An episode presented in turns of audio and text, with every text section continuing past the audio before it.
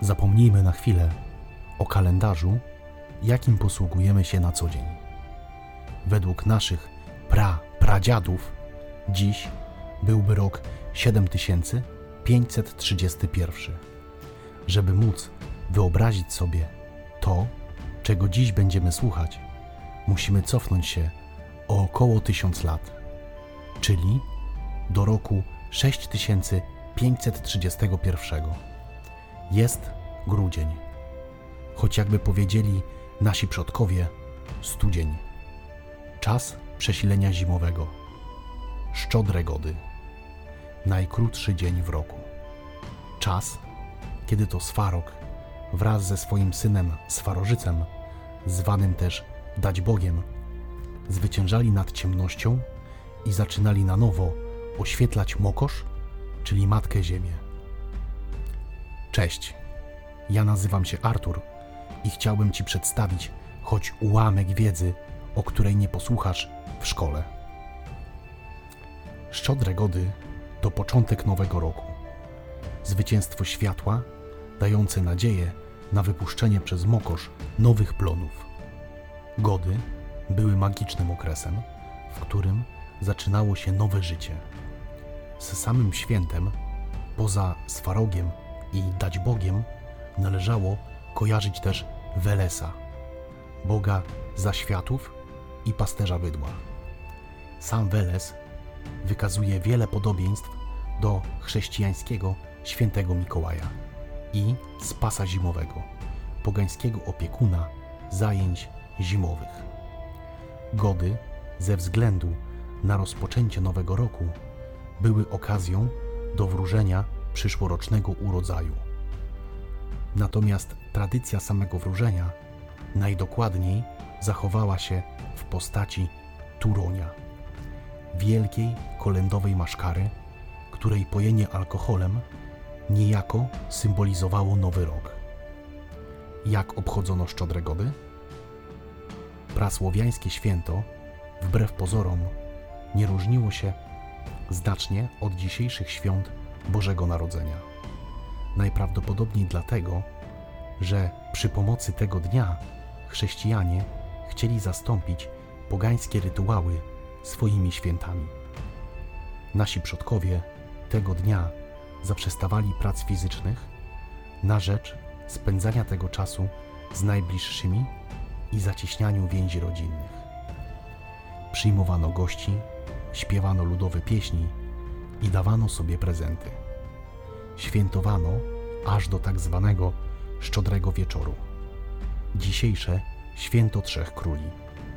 Bo jak należy wspomnieć, gody trwały około dwóch tygodni. W ten właśnie wieczór obdarowywano się prezentami. Co ciekawe, poza prezentami dzielono się również szczodrakami, to znaczy specjalnymi pierogami lepionymi specjalnie na tę okazję. Brzmi znajomo? A to nie koniec listy podobieństw. Równie ważnym tego dnia były pochody kolędników, którzy obchodzili wszystkie domy we wsi z życzeniami pomyślności w następnym roku. Dawni Słowianie niecierpliwie wypatrywali ich wizyty, gdyż była ona gwarantem pomyślnych zbiorów w przyszłym roku. Skąd gospodarz wiedział, że zbliżają się do jego domostwa? Znakiem rozpoznawczym grupy była charakterystyczna gwiazda, dziś kojarzona z gwiazdą betlejemską. Natomiast nasi przodkowie uznawali ją za symbol zwycięstwa słońca nad mrokiem. Trzonem grupy kolędujących był tak zwany gwiazdor, czyli ten, który dzierżył gwiazdę, a towarzyszyła mu liczna swora maszkar. Nasi przodkowie poganie nigdy nie zapominali o swoich zmarłych, także w czasie obchodzenia szczodrych godów. Podczas tego święta zmarli otrzymywali możliwość odwiedzenia swoich rodzin. Należało jednak godnie przywitać dziadów.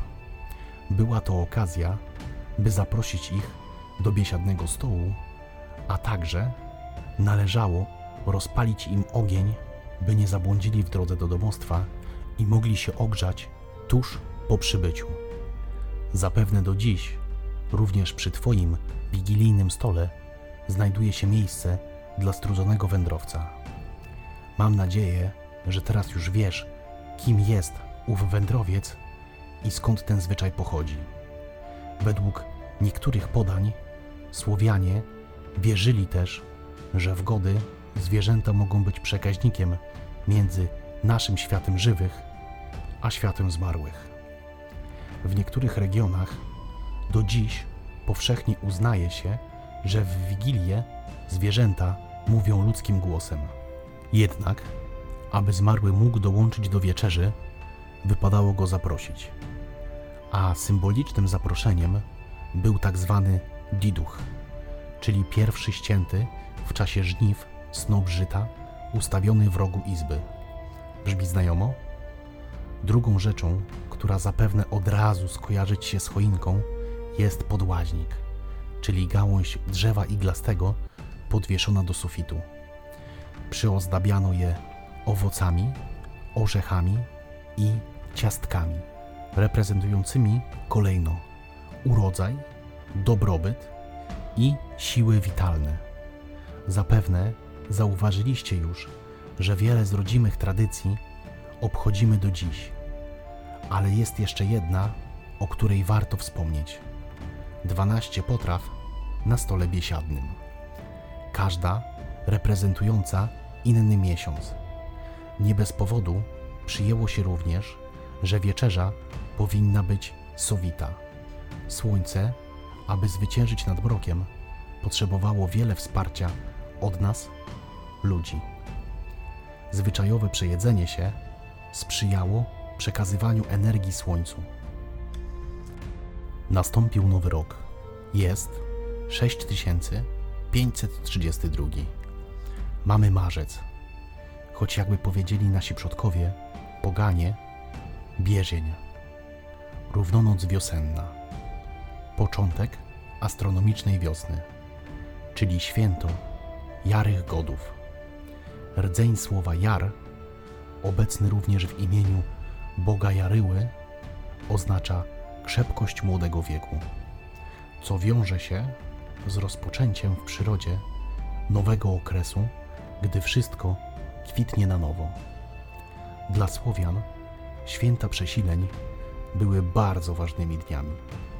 Podobnie jak to robiono przy szczodrych godach, tak samo tu świętowano zwycięstwo światła nad ciemnością. Tak jak zima związana była ze Swarogiem, dać Bogiem czy Welesem, tak wiosna był to czas Jarogi i Marzanny, pary związanej starożytną legendą płodności. Jaryło, młody mężczyzna o bujnej czuprynie, jeżdżący na białym wierzchowcu. Jako atrybut posiadał wianek i kłosy żyta, symbole płodności. Nietuzinkowym atrybutem była też głowa starego mężczyzny, zwana Starym Jaryłą.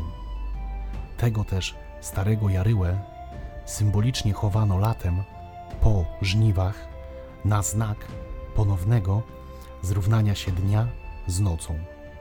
Marzanna natomiast w wierzeniach Słowian miała rolę bardzo zbliżoną do Jaryły. Podobnie jak Jary Bóg posiadała dwa oblicza: bogini zimy jako Marzanna i bogini wiosny jako Dziewanna. Starego Jarugę żegnano symbolicznym pogrzebem, natomiast Marzannę należało utopić bądź spalić. Rytuały te były częściowo zbliżone do chowania zmarłych, gdzie część duszy odsyłano do niebios wraz z dymem, a część do podziemi. Niekiedy, w przypadku Marzanny, stosowano oba te rytuały jednocześnie. To znaczy, palono i topiono, niezależnie od zastosowanej metody, rytuałowi towarzyszył hałas i gra na przeróżnych instrumentach. Krzyczano i hałasowano czymkolwiek się dało. Po tak rozpoczętym święcie Jarych Godów wszyscy zbierali się na wzgórzach. Mężczyźni rozpalali ogniska. Zbierano wierzbowe i leszczynowe witki, które układano na dachach nowych budynków, aby uchronić je przed złem. W czasie świąt czyniono też znane do dziś wiosenne porządki, to znaczy sprzątano domy i okadzano je. Sporządzano rozmaite wypieki i gotowano najlepsze potrawy. W interesie biesiadników było, aby uczta była jak najbardziej znamienita, gdyż była to zapowiedź obfitych żniw. Obok tych zwyczajów istniały też inne, na przykład malowanie jajek, które były symbolem energii, radości życia czy urodzaju. Tak ozdobionymi pisankami, zwanymi również kraszankami, obdarowywano się w czasie godów, by zapewnić sobie płodność i urodzaj. Podobnie jak w grudniu, tak też w marcu pamiętano o zmarłych. W tym czasie wybierano się na mogiły przodków i zostawiano tam jadło i napitek, by uhonorować dziadów. W czasie Jarych Godów obchodzono też Śmingus i Dyngus, obyczaj, który przetrwał z nami do dziś. Rytuał miał funkcję oczyszczającą, przynoszącą siłę i zdrowie.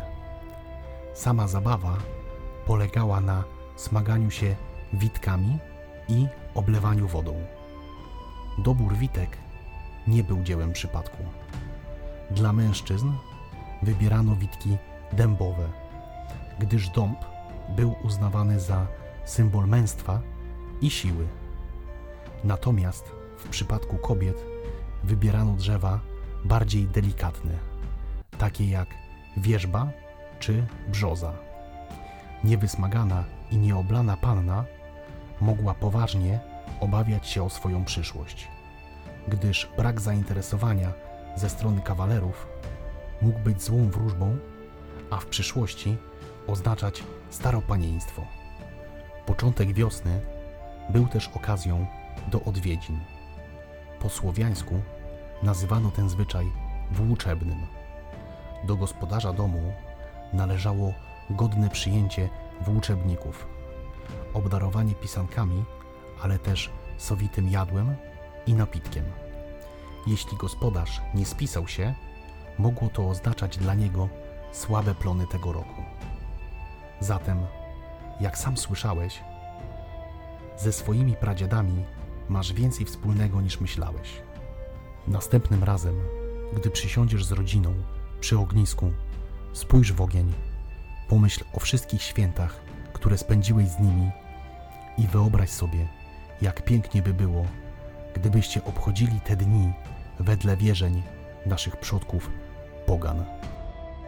Sława.